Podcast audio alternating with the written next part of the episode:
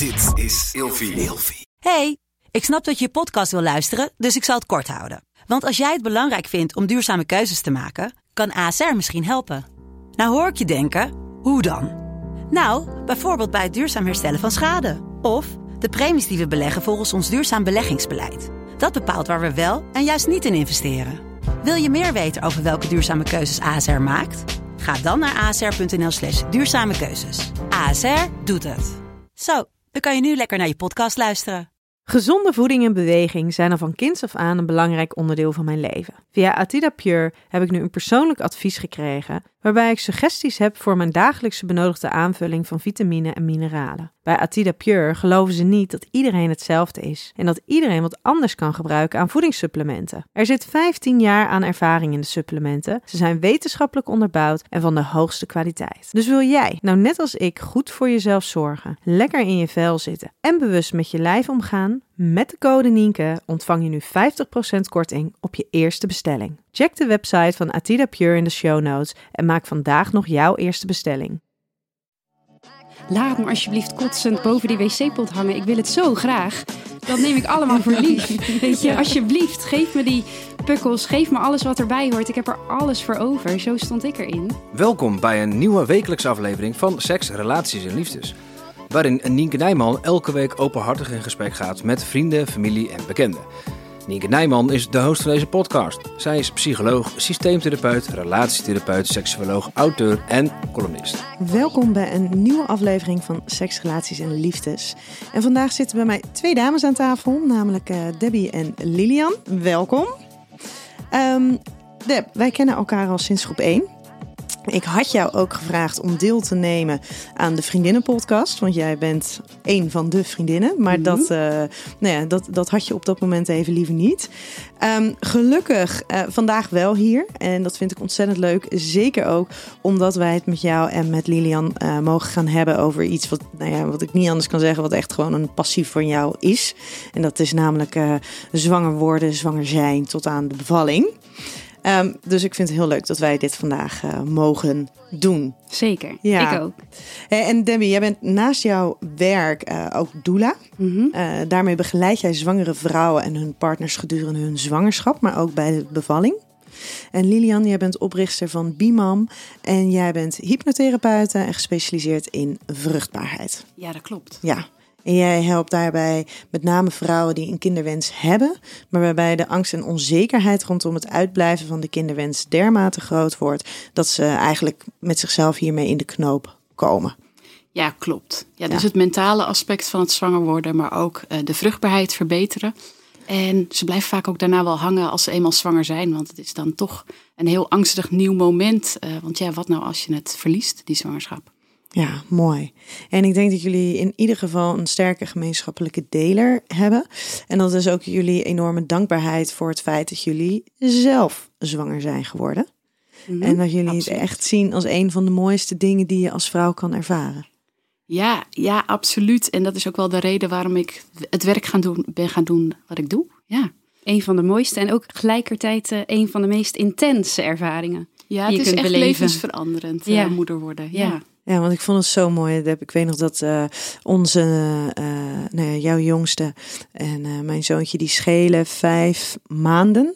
En jij kwam op een gegeven moment naar me toe en zei... "Oh, ik heb gedroomd dat we allebei zwanger zijn. Nou, dat was twee weken voordat ik wist dat ik zwanger was. Mhm. Ehm, en vervolgens weet ik dat ik bij jou op kraambezoek was. Nou, toen was ik vijf maanden zwanger, denk ik. Toen vroeg jij, hoe vind je dat nou, hè, zwanger zijn? En jij was helemaal in je, helemaal gelukkig in je element. Toen zei ik, ja, ja, ik weet het dus niet zo goed wat ik er nou van vind. Dus ik vond het altijd, dat vind ik altijd wel heel mooi dat jij, ehm, nou ja, ook, ook zelfs het feit dat ik zwanger was, nog zoveel mooier kon ervaren dan dat ik dat zelf eh, Mm, kon. mm. En ik begrijp er te- tegelijkertijd begrijp ik ook dat mensen het soms gewoon niet weten. En dat is ook oké. Weet je? De een verlangt er jaren naar. En ik dacht echt van, laat me alsjeblieft kotsend boven die wc-pot hangen. Ik wil het zo graag. Dat neem ik allemaal voor lief. Weet je, alsjeblieft, geef me die pukkels. Geef me alles wat erbij hoort. Ik heb er alles voor over. Zo stond ik erin. Ja. En een ander denkt van, jeetje, mijn lichaam verandert. Eh, ik voel me niet mezelf. Uh, word ik ooit nog weer de oude? En dat is ook oké. Alles mag er zijn en alles is bespreekbaar. Ja. En dat vind ik gewoon heel belangrijk, ook als doula, dat ik me daar bewust van ben. Dat hoe ik dingen ervaar niet uh, ja, is hoe de ander het hoeft te ervaren. En toch denk ik dat als jij bij iemand komt die dus een doula vraagt, mhm. ehm, dat dat ook wel iemand is die wel bewuster al met zo'n zwangerschap omgaat. Ja, er zijn zoveel redenen waarom mensen een doula in de arm nemen, zeg maar. Ja? Ja. Het zijn vaak hele bewuste mensen, maar soms ook mensen met heel veel angst, bijvoorbeeld. Ja. Ja. Hey, en ik had um, zoals altijd ook je aan jullie gevraagd om vijf woorden te bedenken. Uh, die gaan over seksrelaties en liefdes. Um, Lilian, zou jij die van jou eerst eens kunnen benoemen? Ja, ik uh, had knuffelen, gezin, geborgen, groei en gelukkig. En zijn dat voor jou dingen die gaan over jou als persoon of met name ook in relatie tot jouw werk? Nee, over mij als persoon echt wel, ja. En, en dan ben ik heel benieuwd, knuffelen. ja, ja ik, dat vind ik het allerfijnste wat er is. Zowel met mijn man als met mijn zoon. Uh, knuffelen vind ik echt ontzettend fijn. Ja, en is er nog eentje waarvan je denkt, die vind ik belangrijk of mooi uh, om toe te lichten? Ja, ik denk groei. Ik denk dat als je bij iemand bent die jou laat groeien, die je een betere persoon maakt uh, dan je alleen bent, dat dat, dat uh, het ultieme is wat je, ja, wat je wil bereiken eigenlijk. Ja, en, en, en jij en je partner hebben dat ook? Ja, absoluut. Ja, ja ik ben ontzettend gelukkig met mijn man. Ja. En jij, Deb? Ja, ik uh, had volgens mij zielsverbinding gezegd. Dat kwam als eerste in me op. Ik ervaar dat heel erg met mijn uh, man, dat we echt op zielsniveau verbonden zijn. En uh, dat ervaar ik ook met andere mensen, vooral als je elkaar mag knuffelen. Soms kom je mensen in je leven tegen, ook al zijn het dan totaal onbekende. En je kijkt elkaar aan en je hebt even dat echte contact. En je voelt van, jeetje, deze persoon raakt me echt in mijn hart of zo. Dan voel je een soort zielsverwantschap, ook al ken je die ander niet. Dat vind ik de grootste uitdaging ook in deze tijd, dat er zo'n ja, eigenlijk uh, afstand is van mensen. Um, maar die zielsverbinding heb ik echt met mijn man. En dat is gewoon heel fijn om te ervaren. En dat vind ik ook heel belangrijk. Dat je echt de diepte in kan met elkaar. En ik had ook opgeschreven gunnen. Uh, in een relatie, in een seksuele relatie, in vriendschappen. In uh, nou ja, allerlei situaties vind ik dat gewoon super belangrijk. Ja, en het is wel mooi, want ik heb toevallig die van jou even voor me. Um, er stond ook groeien op. Ja. Um, is dat dezelfde invulling als dat Lilian eraan geeft? Ja, groei uh, op persoonlijk vlak. Ik ben volwassen geworden met mijn man. Ik was 19 toen ik hem leerde kennen en ik dacht dat ik al heel volwassen was. Maar door de jaren heen merk je toch wel dat je nog aan het groeien bent. En volgens mij ben je je hele leven lang aan het groeien. Ja, dat denk ik ook. Je leven lang leren, zeg maar, dat is echt op mij van toepassing. Ik denk dat het ook ter, gewoon de grootste rijkdom is die je zelf kunt gunnen. Als je ervoor open staat elke dag te leren en elke dag te groeien. Ja, uh, koesteren en goddelijk. Ja. nou weet ik zeker die laatste natuurlijk wel wat dat ja. voor betekenis heeft voor jou. Maar... Nou ja, alles wat je krijgt mag je koesteren. En daarmee ook echt alles. Um, dus je verlangens koesteren, je liefde koesteren, de momenten met je gezin koesteren. Dus daar staat koesteren voor bij mij. Dat je heel bewust in het leven mag staan. En goddelijk, ja, ik ben spiritueel. En ik vond het gewoon een heel toepasselijk woord voor mij. En ik denk dat als je op zielsniveau een relatie mag hebben of seks kan hebben op dat niveau, dat het ook heel goddelijk kan zijn. Ja. En goddelijk zwanger zijn en bevallen waren voor mij echt goddelijke ervaringen. En het was überhaupt iets waar jij heel dankbaar voor was voor het feit dat je zwanger werd. Ja, zeker. Ja. ja. Hey, en wij zijn natuurlijk vandaag uit Schiedam. Debbie, jij komt ook uit Schiedam, net als ik. Dus ik heb ook een uh, heel erg Schiedams cadeautje voor jullie. Um, mag niet gedronken worden als je zwanger bent. En dat is namelijk een, uh, een bobby's. Ja, superleuk. Ik zag ze net staan. Ik dacht, hé, hey, dit is echt heel leuk. Oh, Dit met de is naam ook van jullie leuk. zoon. Ja, Echt tof. Oh, Ja. wat lief, dankjewel. Dankjewel. ja, graag gedaan. Nee, wij hadden inderdaad, eh, eh, een- de- de- onze zoon die heet Bobby Joe. En ik wilde geen eh, eh, bezoek tijdens mijn verlofperiode. Dat was dan iets waar ik wel heel duidelijk van dacht, dat wil ik niet. Ehm, en we hebben toen een, een kraamborrel gegeven. En toen hadden ze ook alleen maar Bobby's gin, gin tonics. en ik gaf geen borstvoeding, dus dat mocht. Hey, ehm, ik wil eh, heel graag aan eh, jullie vijf stellingen voor gaan leggen. En aan de hand daarvan eh, gaan wij dit gesprek voeren. Eh, maar niet voordat ik de luisteraar even vraag of zij ons willen volgen, zodat zij altijd op de hoogte blijven van wanneer er een nieuwe aflevering komt van Seks, Relaties en Liefdes. En mocht je een recensie achter willen halen, laten via Apple Podcast, dan mag dat natuurlijk ook.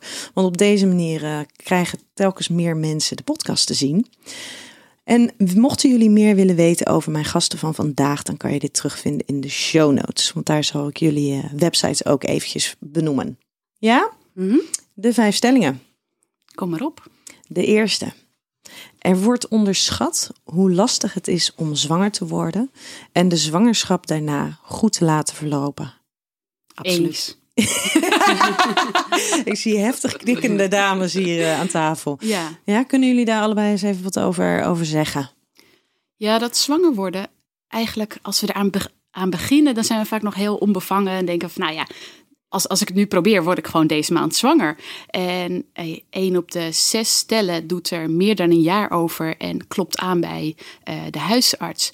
En dat één op de zes, dat is echt heel erg veel. En dat realiseren we ons niet als we voor het eerst proberen. En ik denk dat dat ook komt omdat we in Nederland er niet veel over praten. Vaak als we pas twaalf weken of als we al twaalf weken zwanger zijn, dan gaan we eens met elkaar delen hoe het eh, ging en eh, dat je misschien wel zo lang zwanger wilde worden. Maar voor die tijd eh, is het een beetje taboe in Nederland. En daarom hebben we het idee dat als we het, het met elkaar doen, dat we gelijk die maand zwanger zijn. Maar is dat alleen in Nederland of is dat overal zo? Nou, ik weet niet voor alle landen hoe dat zit, maar ik heb er bijvoorbeeld met Lindsay Eastburn veel over gesproken. Zij woont in Amerika, zij is de grondlegster van Hypnofertility, het werk wat ik doe. En daar zijn ze heel open met elkaar. Eh, Kunnen ze er juist niet over ophouden met het kletsen over zwanger worden. En toen zei ik van, nou ja, hier in Nederland hebben we dat eigenlijk niet hoor. Ik, ik begon er pas met vriendinnen over te praten toen ik al zwanger was. Ja. Ja. En voor jou, Debbie? Ehm, nou ja, ik denk dat heel veel dingen in eh, de huidige maatschappij planbaar zijn en maakbaar. En dat we daardoor ook een beetje de illusie creëren van ook een zwangerschap kun je plannen. En sommige mensen geloven daar nog steeds in. Ehm, ik vind dat zelf heel lastig, want ik weet dat dat niet zo is. En ehm, ik denk dat het gewoon heel belangrijk is om er juist, wat jij ook zegt, open over te zijn. Over je wens en je verlangen. En ook wel rekening te houden met elkaar over hoe je bepaalde dingen bespreekt, zeg maar. Ik krijg heel erg een allergie als ik mensen op Facebook een post zie plaatsen van... Oeps, we did it again. Voor de vierde keer zwanger. En dan denk ik aan al mijn vriendinnen en een stukje van mijn eigen verleden... voor die mensen bij wie dat niet vanzelf gaat. Mm. Ja, dus... en dat, eh, dan, dat ze daarmee eigenlijk een beetje eh, te nonchalant dat dan zo eventjes benoemen. ja, Tussen ja. neus en lippen door, alsof Ja. het niks voorstelt. Alsof het per ongeluk een... Oeps.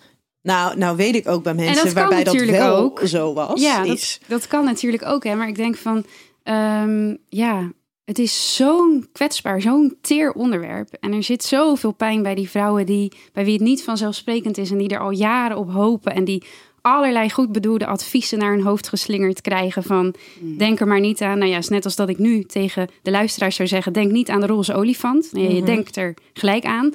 Je Ehm, moet het gewoon loslaten. Ja. Ja, of eh, nou ja, neem een hond. Ik heb van allerlei dingen ook zelf gehoord. Dan, adopteer, dan adopteer je toch? Ja. dus ik ben het er helemaal mee eens dat het zeker niet eh, vanzelfsprekend is. Of ik weet niet, wat was precies de stelling? Ja, dat, eh, dat, het, ehm, dat het onderschat wordt hoe lastig het is om zwanger te worden. ja, Ehm, en dit is wel, want dat, dat, hè, jullie antwoorden gaan eigenlijk over dat eerste stukje.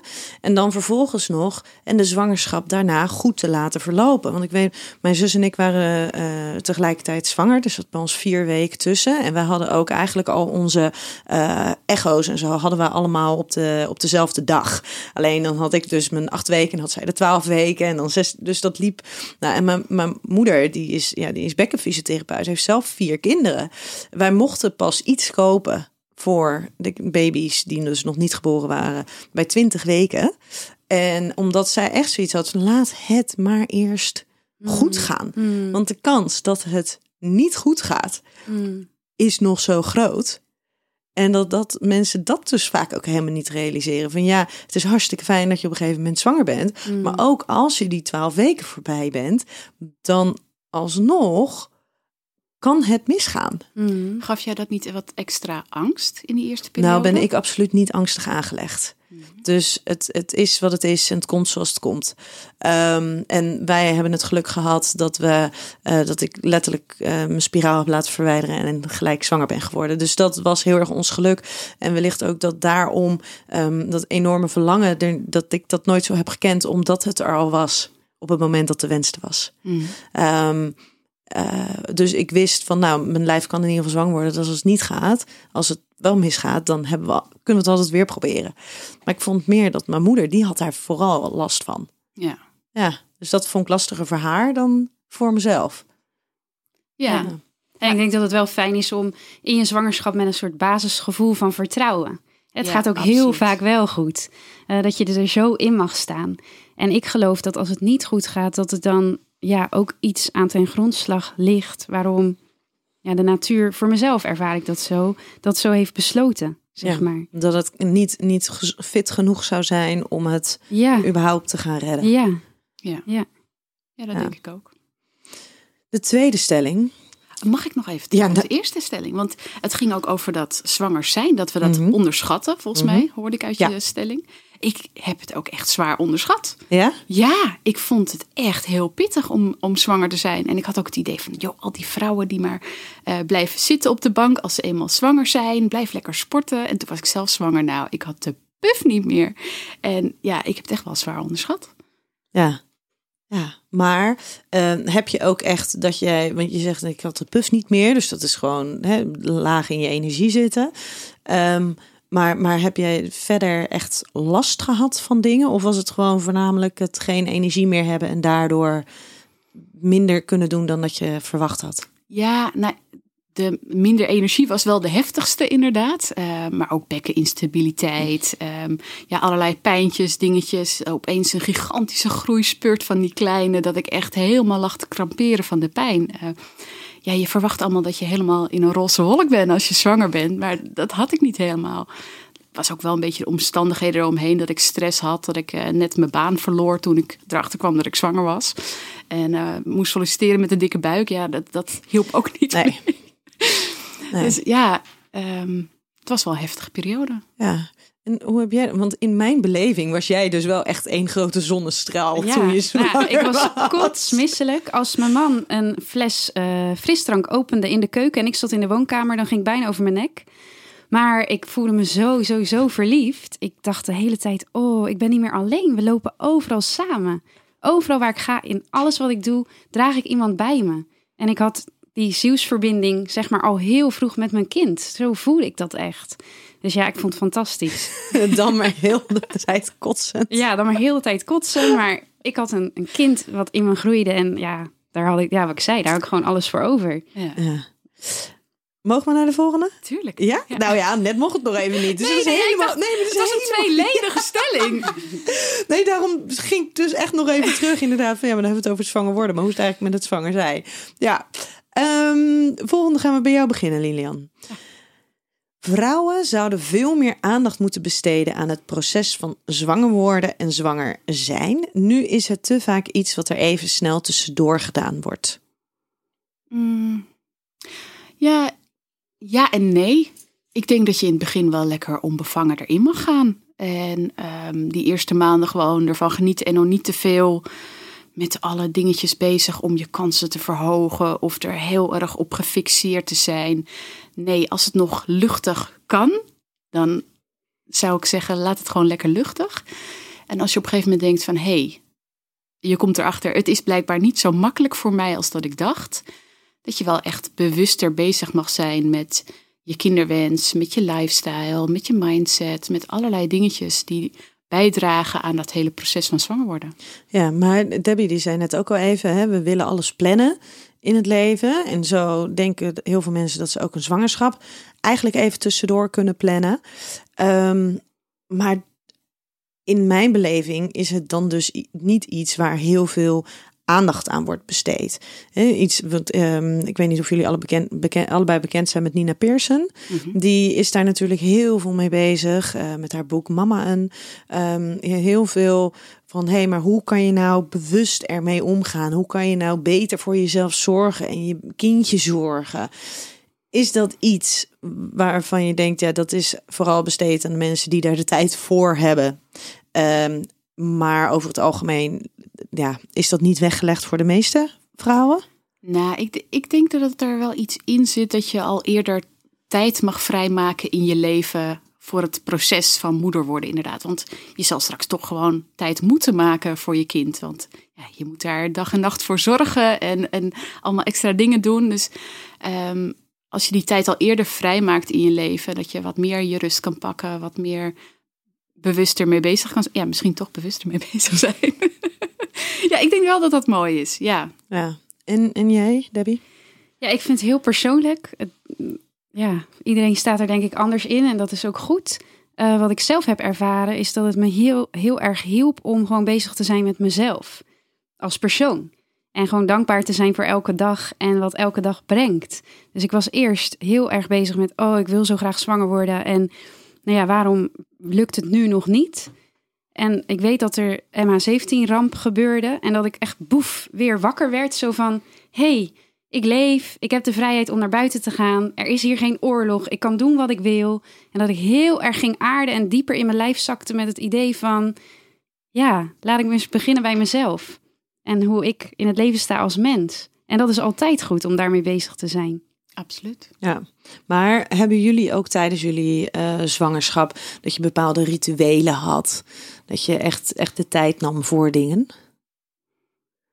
Ja, dat wel. Ik, uh, voordat ik zwanger raakte, verzon ik al hele liedjes voor mijn kinderen. Wat ik ze zou toezingen, zeg maar, als ze er zouden zijn. En het hielp me ook heel erg om brieven te schrijven alsof het al zo was. Ja, ik ben al gaan voorlezen aan mijn zoon voordat hij geboren was. Dus ging ik al elke avond Jip Janneke voorlezen. En, en mijn man ging tegen mijn buik praten, ja. Oh, grappig. Ja, mooi, bijzonder. Um, de volgende stelling. Je zou pas voor een kinderwens moeten gaan als je alle stress en onrust uit je leven hebt weten te halen. Dat is niet mogelijk. Nee. nee. Nee. Nee, want? Nou ja, het lijkt me ook niet geheel menselijk om uh, dat uh, daarnaar te streven. Het leven is gewoon ja, overwelming met uh, diepe dalen en hoge pieken. En soms heel stabiel en kabbelend. En dat is gewoon hoe het leven is. Ja. Dus ja, nee, dat denk ik niet. Ik denk dat je jezelf sterk kan maken in hoe ga je dan om met die stress en met die tegenslagen. Um, dat is wel belangrijk, ook als, hè, als moeder. Maar ik vind niet dat je pas aan kinderen kan gaan denken als alles uh, perfect is. Ja, ik denk dat ik er stress van zou krijgen als ik mijn leven stress, compleet stressvrij wilde maken. Ja, ja nee. Nee, en ik denk altijd maar, wat heeft een kind echt nodig? Nou ja, dat ben jij. Dus liefde, uh, liefde en, en, en jij. Um, en ik denk dan gewoon weer aan uh, de oermoeders in de vroegere tijden of aan Afrikaanse stammen. Soms zijn mensen hier geneigd om nou eerst 20.000 euro op de spaarrekening te hebben staan voordat ze überhaupt aan uh, hè, ouderschap denken. Ik denk, ja, wat is er nu echt nodig? Volgens mij, keep it simple. Ja, maar hebben jullie dan nooit als je in aanraking komt um, met, met vrouwen, dan wel mannen, um, in ieder geval met mensen die, die een kinderwens hebben of die al zwanger zijn? waarvan je denkt, hmm, ik weet niet of dit nu heel handig is. Want je hebt het inderdaad over, ja, wat heeft een kind nou nodig? Ja, dat is, dat is zeg maar de ouder en mhm. de liefde die een ouder kan geven. Maar ik kan me ook wel eens voorstellen dat je wel eens in aanraking komt met mensen dat je denkt, ja, maar kan jij die liefde wel geven? Heb jij die liefde voor jezelf wel? Mm, Nee, die gedachte is nooit bij mij opgekomen, heel eerlijk. Nee, ik, misschien ga ik er heel erg van uit dat iedereen dat in zich heeft. En ja, überhaupt als je dit zegt, denk ik, oh, wie ben ik om daarover te oordelen voor iemand anders? ja. Ja, iedereen heeft zijn eigen pad te bewandelen in het leven. En heel veel dingen zijn buitenkant. Zeg maar ja, dat iemand een groot huis heeft, een dikke baan en een goede auto. En dat zegt niks over iemands moederhart. En zorgen kun je altijd wel hebben, maar ja. Nee, ik heb dat ook nog niet zo echt ervaren, eerlijk Nee. gezegd. Nou ja, ik heb een, ehm, ik, ik, ik, ik- ik ken een dame die, ehm, waar, waar zeg maar, als je het hebt over de buitenkant, ehm, dat, dat alle alarmbellen ongeveer zouden gaan rinkelen van ja, moet, moet, moet daar wel een kind komen? Terwijl daar mijn gevoel juist heel erg is, ja, maar op het moment dat het kind er is, weet je, die kinderwens is zo intens groot. Ik denk dat als die kinderwens er is, dat alle plekjes, zeg maar, alle stukjes op hun plekje vallen. Ja. En Ja. dat dat juist voor de rust zorgt. Ja, ja, ik denk dat mensen ook heel erg groeien door het, het moederschap. Ja.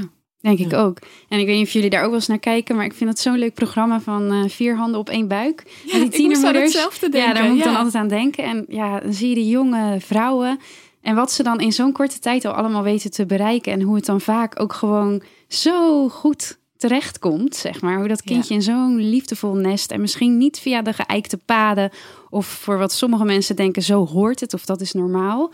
Maar wel in een warm nest met een moeder die ja, de intentie heeft het goed te doen. En liefde heeft voor haar kind. Ja, dat is toch het belangrijkste. Ja, ja. Hey, de volgende stelling. Het uitblijven van een kinderwens betekent dat je onvoldoende bij je eigen gevoel kan. Nee. Nee. Nee, ja, er zijn wel vrouwen die door mijn werk denken van... hey, heb ik iets verkeerd gedaan? Omdat ik aangeef, joh, met je mindset kan je ten positieve eh, je kansen verbeteren. Eh, maar dan draaien ze het soms om. Dan gaan ze het op een negatieve manier bekijken van... oh, dus door mijn negatieve gedachten heb ik het slecht beïnvloed of zo. Maar nee, daar geloof ik niet in. Nee. Altijd sowieso vanaf de positieve kant eh, bekijken. Ja.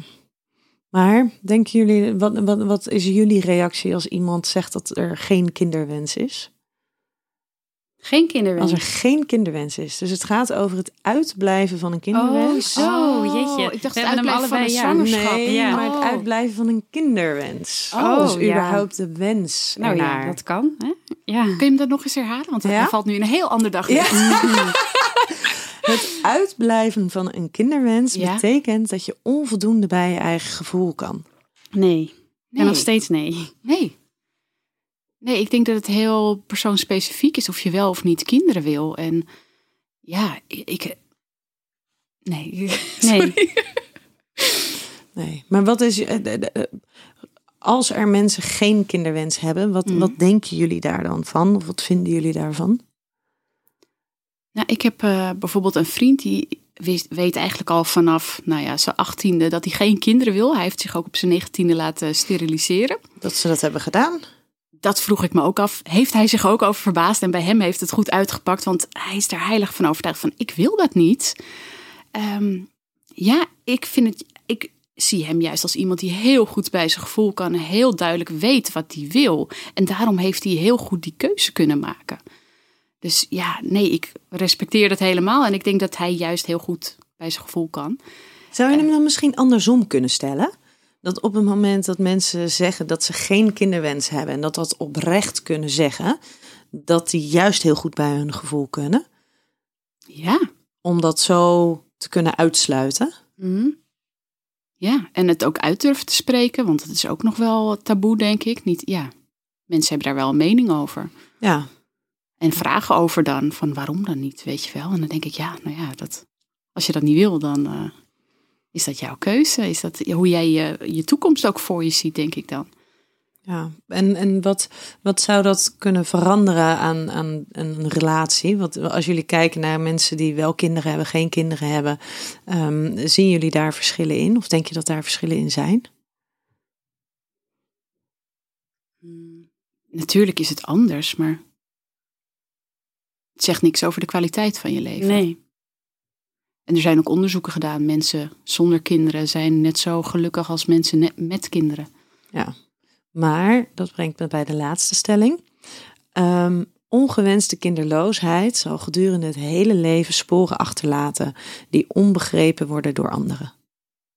Het, Ja. laat, het laat absoluut sporen achter. Ja.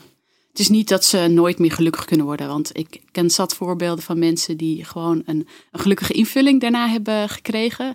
Ehm, maar ze zullen altijd nog hebben van, oh ja, nu eh, is mijn vriendin, ehm, haar kind is, weet ik veel, eh, is jarig. Of die gaat trouwen. Of die krijgt een, een klein kind. En dat ze denken, elke keer bij zo'n moment raakt het toch weer even van, ha, shit, ja shit, dit is ook weer iets wat ik mis. Dus niet alleen het niet zwanger kunnen worden en niet moeder worden, maar ook al die andere momenten die daarna volgen in andermans leven kunnen weer even ja, dat stukje raken. Ja. Ja.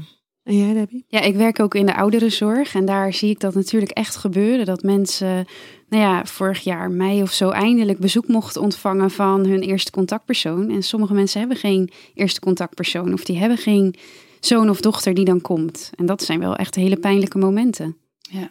Ja, en nou is natuurlijk sowieso het, ehm, het ongewenste kinderloosheid. Dat is, dat is al een onderwerp waar niet heel erg ruimhartig over wordt gesproken.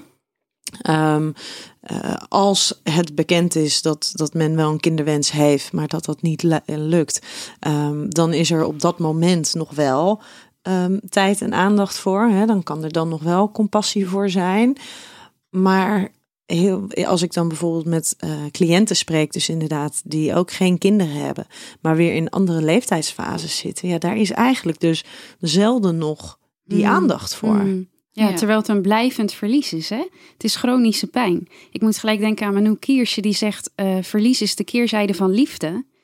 En dat is dus je hele leven lang. Heb jij die liefde voor een kind en voor een kinderwens, het kind dat nooit gekomen is?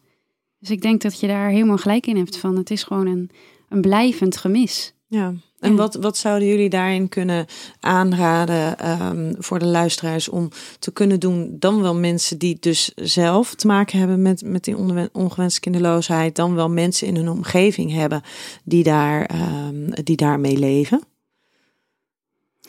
ja, ik denk dat er echt over praten, dat dat heel erg helpt. En als je dat niet wil, dat je dan heel duidelijk je grens daarover aan, eh, aangeeft. Want ja, voor anderen is het soms ook moeilijk in te schatten van... hey, wil diegene het er wel of niet over hebben? Ehm, dus communiceer dat heel duidelijk. En nou, er zat net nog iets in mijn hoofd dat ik wilde zeggen. Maar... Ik denk dat verbinden heel belangrijk is. Dat je ook blijft verbinden met de personen die dus eh, nog steeds die onvervulde wens hebben. En ik vind het zelf heel prettig om bij dagen als moederdag daarbij stil te staan. Van hé, hey, ik denk aan alle moeders die eh, vandaag in het zonnetje worden gezet door hun kinderen. Maar ik denk ook aan die moeders met een stil en diep verlangen.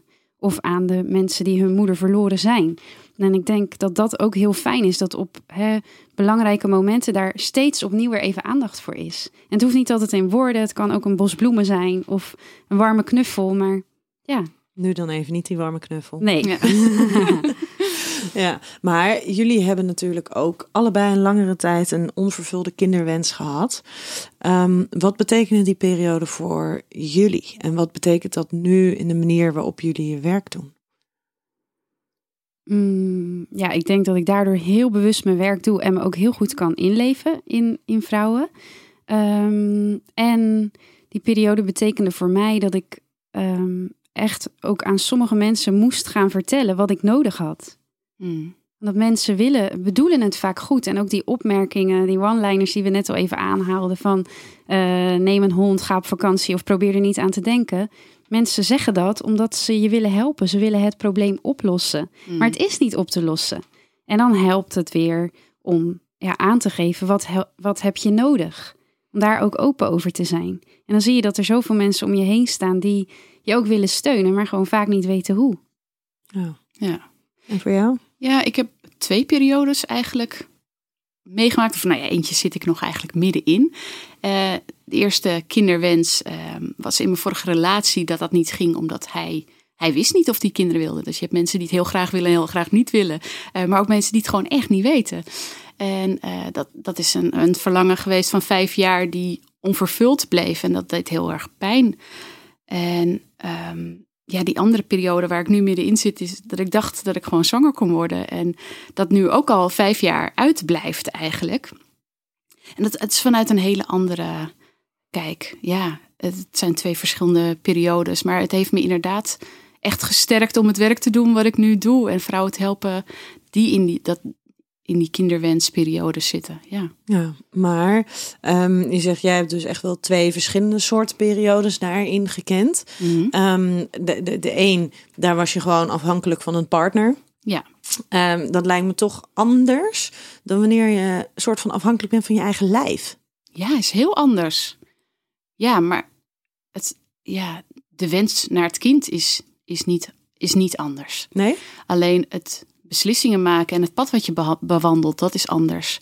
En voor mijn eerste kinderwens heb ik dus echt een, rela- een goede relatie moeten verbreken. Omdat wij de toekomst niet hetzelfde zagen.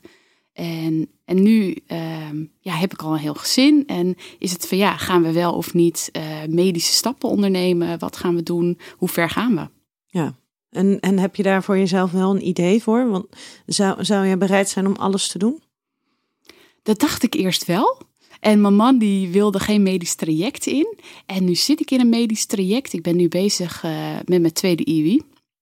En ja, nu ik erin zit, denk ik van jeetje, hoe, lang hou ik dit vol? Er is een hernieuwd respect voor alle klanten die ik heb, die al zoveel jaar met medische trajecten bezig zijn. Kijk, die jaren dat we natuurlijk bezig waren, dat, dat viel nog wel mee. Dan is de wens ook sterk. Nou, het, is voor, het is voor een tweede kindje, dat is ook anders.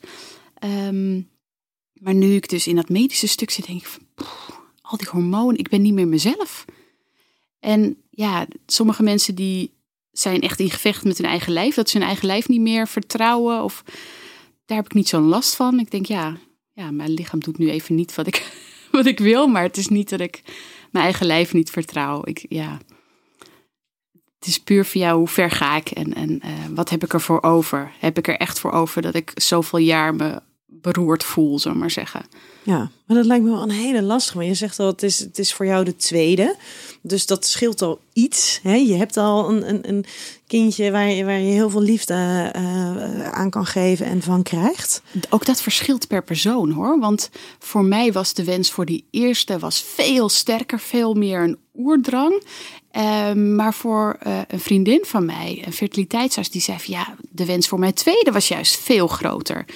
Dus ja, dat, dat verschilt echt per persoon. Maar ja, daar zit wel een verschil tussen. Ja, ja.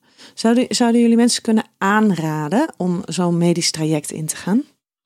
Ja, absoluut. Ik sta er heel positief tegenover dat we al die dingen hebben om ons te helpen. En, um, maar ja, denk er wel goed over na wat je wil daarin. En, en, en heb het daar samen over. Want ik zie meer dan eens dat, dat je daar anders in staat. En dat hebben wij uh, heb ik in mijn eigen relatie ook. Ja, en, ja. en, zouden jullie daar dan vanuit het werk wat jullie doen een, een belangrijke rol in kunnen spelen? Ja, ik denk het wel. Ik denk dat het heel belangrijk is dat er gedurende zo'n traject ook aandacht is voor het emotionele stuk. Uh, en dat wordt heel erg onderbelicht in mijn beleving. Ik heb het zelf niet meegemaakt, maar wat ik zo hoor van mensen die die ervaring wel hebben, is wat jij ook zegt van ja, je, uh, ik ben niet meer mezelf. Je raakt een stuk van je eigenheid en van je eigen lijf ook kwijt. En dat is gewoon heel belangrijk om daarin iemand te steunen, een spreekbuis te hebben. En ja, gewoon um, te handvatten, aan te reiken van hoe ga je daar nu gezond doorheen komen. Mentaal gezien. Mm. Ja. ja, absoluut. Dat, dat mentale deel wordt echt zwaar onderschat. Het, het is echt een emotionele rollercoaster. De ene moment heb je hoop en het andere moment mm. uh, vrees je dat, dat je nooit moeder zal worden. Ja, uh, daar mag je echt bij geholpen worden. En ik weet je, het is mijn specialisme. En toch moet ik ook iemand los van mij zoeken die mij even hier doorheen coacht en mm. doorheen helpt. Want het is gewoon een pittige periode. Ja, en zou jij dan eerder naar iemand gaan als, als Debbie, die dus doula is? Of zou jij eerder naar iemand toe gaan die hetzelfde werk doet als jij? Mm. Nou ja, ik, ik loop nu zelf bij een, um, een coach, een NLP-coach. En um, ja, wel dezelfde achtergrond als ik inderdaad qua, qua opleiding. En die ook wel open staat voor hypnose en, en mindset op het onbewuste niveau. Uh, wat uh, ja, intuïtiever en spiritueler vlak. Um, ik denk dat ik dat in ieder geval eerder zou kiezen dan uh, bijvoorbeeld een psycholoog. Ik heb best wel wat ervaringen met uh, psychologen. En dit werkt voor mij. En als ik eenmaal zwanger zou zijn, zou ik echt wel graag begeleiding hebben van een doula. Ja. Ja, jammer dat jullie wat ver uit elkaar wonen. ja. Maar um, wij, wij zitten hier natuurlijk ook nu met, uh, nou ja, met drie vrouwen, maar even op jullie gericht met twee vrouwen. Zouden mannen dit werk ook kunnen doen? Ja, er zijn wel mannen die dat werk doen, inderdaad, ja. Persoonlijk denk ik dat ik zelf gewoon in dit soort kwesties het allerliefst een vrouw uh, naast me heb staan. Maar ja, misschien denken anderen daar weer heel anders over. Ja, ja. Nou, ik heb het idee dat er gewoon een klik met de persoon moet zijn. Voor mij hoeft het niet per se een vrouw. Mijn, mijn coach is ook een man. Er moet gewoon een bepaalde klik zijn en een vertrouwen. En dat ik denk van ja, hij gaat me hij laat me groeien. Ja. ja, ik weet niet, vrouwen hebben toch een andere energie. En dat heb ik ook heel erg ervaren in de opleiding tot doula. Weet je, dan zit je met heel veel uh, vrouwen met zo'n enorme ambitie. Ben je samen. Ja, ik kan het niet uitleggen. Het is een bepaalde energie, een bepaald gevoel wat er dan vrijkomt als vrouwen die elkaar opbouwen bij elkaar zijn. En daarom zou ik persoonlijk voor een vrouw uh, kiezen. Okay. Ja. ja, grappig. En maar, maar moeten mannen hier meer over weten? Over uh, überhaupt hoe het hoe ingewikkeld kan zijn om zwanger te worden, wat je nodig hebt tijdens zo'n traject, uh, als je zwanger bent, hoe, hoe dat dan allemaal werkt. Vinden jullie dat mannen daar meer over moeten weten? Of zeggen jullie van nou laten we eerst überhaupt alle zwangere vrouwen maar eens gaan bereiken? Mm, alle zwangere vrouwen bereiken. Dat lijkt me sowieso een mooi streven. Maar ook aandacht hebben voor de man. Want die maakt ook een hele verandering mee, zeg maar. Die ervaart ook allerlei uh, dingen. En ik denk dat daarin het juist wel weer heel leuk is als er andere vaders zijn. Ja, dat is een beetje mijn idee. Je hebt ook van die vadercafés en dat soort dingen. Um, ja, ik denk dat dat wel heel fijn is. Dat een man ook gewoon eens kan praten over wat hij ervaart in zo'n zwangerschap. Of... Uh, ja, hoe hij aankijkt tegen de geboorte.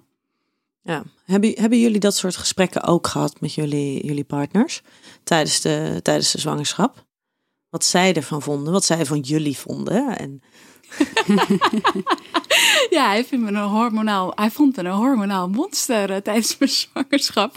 En daarna zei hij tegen alle mannen, gewoon meebewegen. Gewoon meebewegen. uh, ja, ja, mijn man die had echt heel veel dingen helemaal niet in de gaten. Dat is gewoon zo'n creatief, uh, heerlijk mens. Heel positief ook. Dus heel veel dingen, ja, hij had gewoon heel, heel veel dingen ook niet door. Ook tijdens de bevalling. Ja, ik denk dat ik hem daar heel weinig in betrokken heb. In echt die voorbereiding naar de geboorte toe. Ik heb het oh. heel erg zelf gedaan of zo. En je zat helemaal in je eigen liefdesbubbel. Ik zat helemaal in mijn eigen bubbel. En ik hoop niet dat hij zich achteraf buitengesloten heeft gevoeld. Maar ook op het moment van de geboorte. Ja, ik weet nog echt dat hij met zijn eh, Bob Marley t-shirt op het bed zat. En de verloskundige was net binnen. En zei, je hebt 8 centimeter ontsluiting. En ik zag bij hem vraagtekens boven zijn hoofd van... ja, en nu? Wat betekent, wat betekent dat dan, 8 centimeter ontsluiting? Ik weet het niet meer, want we, hebben, we hadden dan wel één keer zo'n uh, voorlichtingsavond... bij de verloskundige praktijk gevolgd. Maar ik zei, ja, Sef, dat betekent dat het kind er al bijna is. Oh, oh, oh. nou ja... Weet je? Helemaal niet typisch Sef. Ja, gewoon heel relaxed en onbevangen. En nou ja, we hebben het wel gehad over uh, um, wat we belangrijk vonden in het ouderschap. Wat we dan dachten van tevoren. En dat is ook wel heel komisch, mooi en leuk. Want ja, je kunt bepaalde dingen denken van tevoren. Maar hoe het echt uitpakt, weet je echt pas als je ervoor staat. Ja. ja. Het is zo overwhelming. Je kunt je het gewoon niet voorstellen voordat het zover is, zeg maar. Ja. Zou, zouden jullie wel adviseren om de partner er meer bij te betrekken? Nou, ik heb juist een hele andere ervaring. Ik heb het heel erg als, als, als, als team ervaren, zal maar zeggen, met mijn man. Hij ging mee naar elk uh, bezoek van de verloskundige, elke voorlichtingsavond. Alles deden we samen. Uh, shoppen deden we altijd samen voor uh, onze zoon. En ja, ook met de bevalling waren we echt een team. Ik weet wel dat ik op een gegeven moment echt in mezelf was gekeerd, in, in een soort van bubbel ging. Maar ik denk dat dat iets naar, uit je lichaam is, iets, iets hormonaals of zo. Dat je zo in jezelf gekeerd bent. Maar voor de rest heb ik echt het heel, heel erg als een team ervaren. Ja, ja. ja ik um, betrek sowieso de partners altijd in de, in de ja, voorbegeleiding, zeg maar, op weg mm -hmm. naar de geboorte. Uh, maar ja, bij mij paste het dus heel erg als persoon. Om heel autonoom te zijn en dat echt zelf te doen. En mijn man voelde dat ook heel goed aan. Hij ging van een afstandje naar me zitten kijken, heeft nauwelijks iets gezegd. En uh, dat was heel fijn. Behalve bij de persfase. Toen kwam hij echt bij me en heeft mijn hoofd vastgehouden. En echt die support geboden die ik daar nodig had. Maar bij de ontsluitingsfase ja, vond ik het eigenlijk heerlijk dat ik gewoon helemaal, dat mijn kindje en ik samen waren en dat deden en dat niemand verder ook iets zei. Is dat misschien dus- ook ergens uh, ook gewoon iets, iets heel natuurlijks? En want wat je heel vaak hoort is toch dat mannen die zeggen van ja, nou ja, weet je, ja, mijn vrouw of mijn partner, mijn vriendin, die, die is negen maanden zwanger. Maar ja, voor mij gaat het nu pas beginnen. Mm -hmm. um, en aan de ene kant denk ik van ja, maar moet je dan niet um, je partner er dus meer bij gaan betrekken? Zodat dat al eerder dus meer, veel meer samen is en dat het voor je partner ook al eerder begint. Dan zeggen we nee, dat is prima om dat eigenlijk vanaf de geboorte te gaan, te gaan doen. Nou, ik denk daarvoor eigenlijk al dat je meer samen kan doen in het hele conceptieproces. En zeker als het wat langer duurt, zoals bij mij, dan uh, is het fijn als je daar samen in gaat. Nou is de huidige tijd daar niet ideaal voor, want dan, ik mag naar geen één bezoekje mm. van het ziekenhuis, mag ik mijn man meenemen. Dus ik heb nu wel het gevoel dat ik het een beetje in mijn eentje doe. Um, ja, ik, ik denk dat het fijn is inderdaad om, om meer elkaar erin te betrekken en dat je het echt samen doet. Ja. ja, en zie jij, want jij ziet de vrouwen, zie jij ook hun partners? Ik bied het regelmatig aan. Alleen het zijn vaak de vrouwen die het initiatief nemen en het contact zoeken. Ja, maar jij ziet ook wel eens partners. Nee, op, ik heb het vaker aangeboden, maar ze hebben zoiets van nee. Dat, ze vinden het ook vaak een beetje spannend. Ze begrijpen ook hmm. niet helemaal wat ik doe. En ja, Nee, ik, uh, ik zie ze eigenlijk nooit. Dat, dat, de, dat de partners het iets te zweverig vinden of zo, ja, wat daar ik, gebeurt. Ik heb, ik heb wel inmiddels een online module gemaakt. Dan hoeven ze niet naar mij toe te komen. Dan is de drempel misschien wat lager. Dat ze gewoon wat zelfhypnose audio's kunnen gaan luisteren. Dat ook zij ja, er, begrijpen wat, wat hun vrouw aan de, of ja, vriendin aan het doen is. Um, ja, maar ze vinden het vaak wel een beetje spannend. Ze hebben zoiets van, ja, het is een vrouwending of zo. Ja. Ik weet niet wat het is. Ja. Is, is, is doula zijn ook een vrouwending?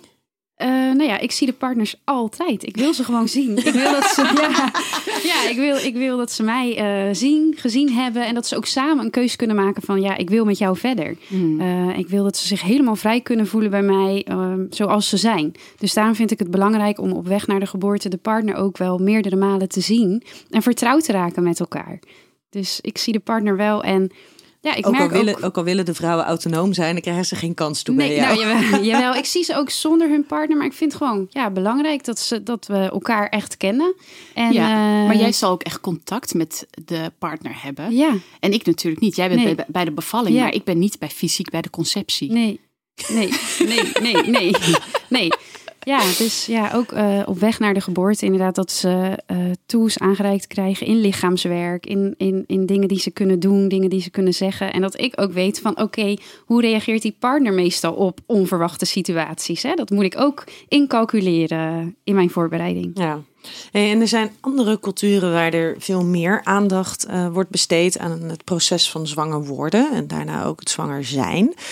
Um, nou weet ik niet of dit direct impact heeft op het uh, percentage van, van zwangerschappen. Maar ik kan me voorstellen dat dit er misschien wel ergens een invloed op kan hebben. Wat, wat denken jullie daarvan? Dat als er meer aandacht is. Ja, dat meer, het... ja, meer aandacht voor het zwanger worden. Meer aandacht voor het zwanger zijn.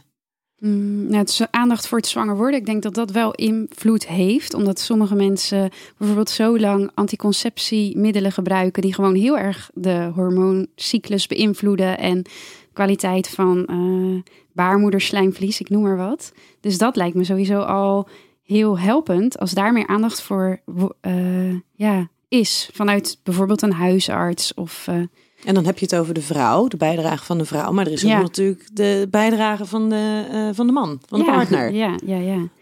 Ja, ik denk dat dat nog steeds wel heel erg, uh, dat er weinig over gesproken wordt. Wat hij kan doen om zijn zaadkwaliteit te verbeteren. En er zijn, hij kan zat dingen doen. En weet je, in een derde van de gevallen uh, bij mensen met een kinderwens die nog niet lukt, ligt het aan de man. Nou willen we geen schuld geven, maar nee. er, is wat aan te doen en daar wordt echt heel weinig over gesproken. Het, het, het, het wordt al steeds meer over ja, dat, dat wij vrouwen met elkaar het over vruchtbaarheid gaan hebben. Maar ja, dat, dat stukje over de man, dat is echt nog wel uh, taboe. Ja, maar dat vind ik af en toe best lastig. Want er zijn inderdaad heel veel vrouwen um, die, die, daar gebeurt dus, gebeurt dus iets in het vertrouwen um, in hun eigen lijf. Ze worden onzeker, ze worden angstig. Uh, ze gaan zich er heel overmatig uh, mee, mee, mee bezighouden. En als je dan kijkt naar de man is het vaak wel dat ze het vervelend vinden voor de vrouw. Um, maar ik hoor, en dat kan ook zijn dat ik het gewoon niet hoor, dat het wel is, maar dat ik het niet hoor. Um, hoor je veel minder van, goh, ik heb mijn hele levensstijl erop aangepast en ik rook niet meer en ik drink niet meer en ik zorg dat ik op tijd op bed lig en ik sport. En, want ik wil ervoor zorgen dat mijn, mijn zaad de beste kwaliteit uh, heeft die, die mogelijk is.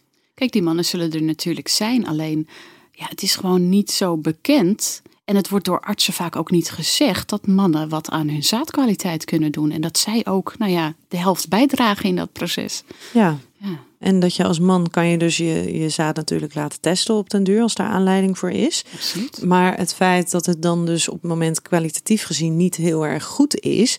Ik heb soms ook een beetje het idee dat dat een soort van als, nou ja, dat als feit wordt meegedragen. Van, nou, dat is dus zo. Terwijl als je dan dus gaat kijken, hey, maar wat hebben we er nou voor impact op? En wat kunnen we eraan doen om daar wel wat beweging in te krijgen? Letterlijk en figuurlijk, ja. Ja, ja, ja precies. maar dat daar echt ook nog wel weer een slag te slaan is. Ja, dat weet ik zeker. Ja. Ja. ja ik denk dat er binnenkort ook maar een, een aflevering over zaad moet komen in de Zwanger Worden podcast. Ja. ja. Maar heb jij, heb jij het idee dat daar ook meer over moet gaan? Ja, denk zo. Ja. Nou ja, ik begon er zelf natuurlijk ook al direct over de vrouw. Dus uh, zeker weten. Ja, ja, bijzonder is dat eigenlijk, hè? Dat we dan zoveel verantwoordelijkheid leggen bij de vrouw. Hmm. Terwijl de man gewoon de helft van het proces, in ieder geval in het, het creëren van, van het zwanger worden, uh, daarin zo'n belangrijke rol heeft. Ja, ik denk, ik denk dat vrouwen zich gewoon veel verantwoordelijker voelen of zo. Of, en er veel meer mee bezig zijn. De mannen zijn toch nou ja, dat is misschien een beetje generaliserend, maar dat is wel wat ik vaak zie, is dat zij toch wel een beetje wat relaxter erin staan of zo, de mannen. En denken van ja, nou ja, gebeurt het, gebeurt het en zo niet dan niet. Ja, en ze hoeven natuurlijk ook niet het kind te dragen.